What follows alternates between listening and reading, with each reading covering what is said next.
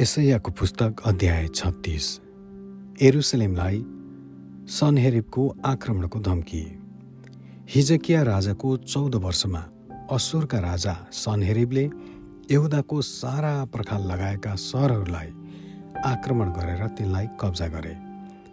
अनि असुरका राजाले युद्धका एकजना सेनापतिलाई ठुलो सेना समेत लाकिसबाट एरुसलेममा हिजकिया राजा कहाँ पठाए। जब उनी धोबीको खेतको मूल बाटोमा भएको माथिल्लो पोखरीको कुलोनिर उभिए तब दरबारका प्रशासक हिल्कियाका छोरा एल्याकिम सचिव सेब्ना र आसाबका छोरा लेखापाल युवा बाहिर निस्केर उनी कहाँ आए? युद्धका सेनापतिले तिनीहरूलाई भने हिजकियालाई भन महाराज धिराज असुरका राजा यसो भन्नुहुन्छ। तिमी के आशामा भरोसा गरिरहेछौ?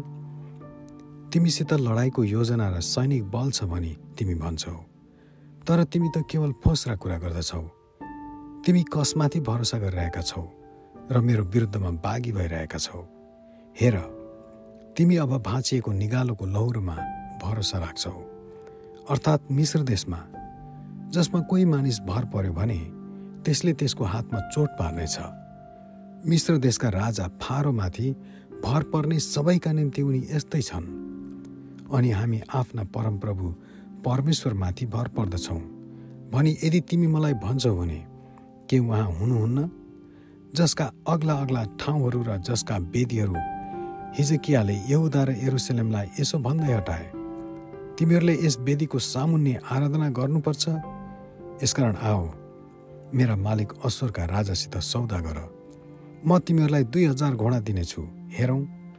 तीमाथि तिमी सवार गर्न सक्छौ कि सक्दैनौ?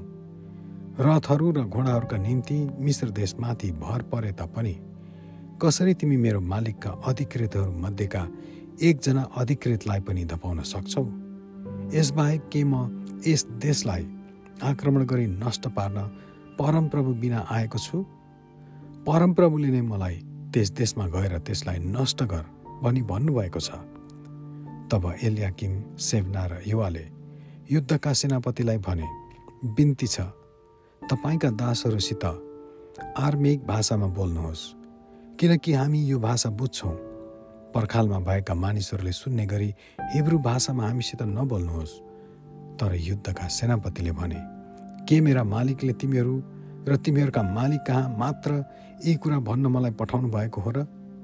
के उहाँले मलाई पर्खालमा बस्ने मानिसहरू कहाँ पनि पठाउनु भएको होइन र जसले तिमीहरूले जस्तै आफ्नै दिशा खानुपर्छ र आफ्नै पिसाब पिउनु पर्नेछ तब युद्धका सेनापति खडा भए र ठुलो स्वरमा हिब्रू भाषामा यसो भने महाराजा धीराज असुरका राजाहरूका कुरा सुन।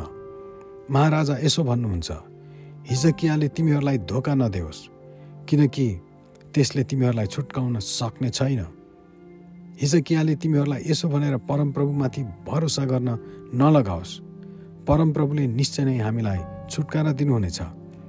उहाँले यो सहर असुरका राजाको हातमा सुम्पिदिनुहुने छैन। हिजकियाको कुरा नसुन। असुरका महाराजा यसो भन्नुहुन्छ तिमीहरू मसित मिलाप गर र निस्केर म कहाँ आओ तब तिमीहरू हरेकले आआफ्नो दागको फलबाट र नेभाराको फलबाट खाउला र आआफ्नो पानीको कुण्डबाट पानी पियौला जबसम्म म आएर तिमीहरू हरेकै जस्तो अन्न र नयाँ दागमध्ये पनि रोटी र दागबारीले भरिएको देशमा तिमीहरूलाई लैजाँदिन। हिजकियाले तिमीहरूलाई यसो भनेर भ्रममा नपारोस्। परमप्रभुले हामीलाई छुटकारा दिनुहुनेछ। के जाति जातिका कुनै देवताले आफ्ना देशलाई असुरका राजाको हातबाट कहिल्यै बचाउन सकेको छ र? हमात र अर्पातका देवताहरू कहाँ छन्? सपरबेम देवताहरू कहाँ छन्? के तिनीहरूले सामरियालाई मेरो हातबाट छुटाएका छन्?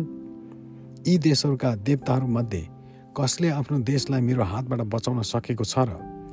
तब परमप्रभुले एरुसेलमलाई मेरो हातबाट कसरी बचाउन सक्नुहोला त?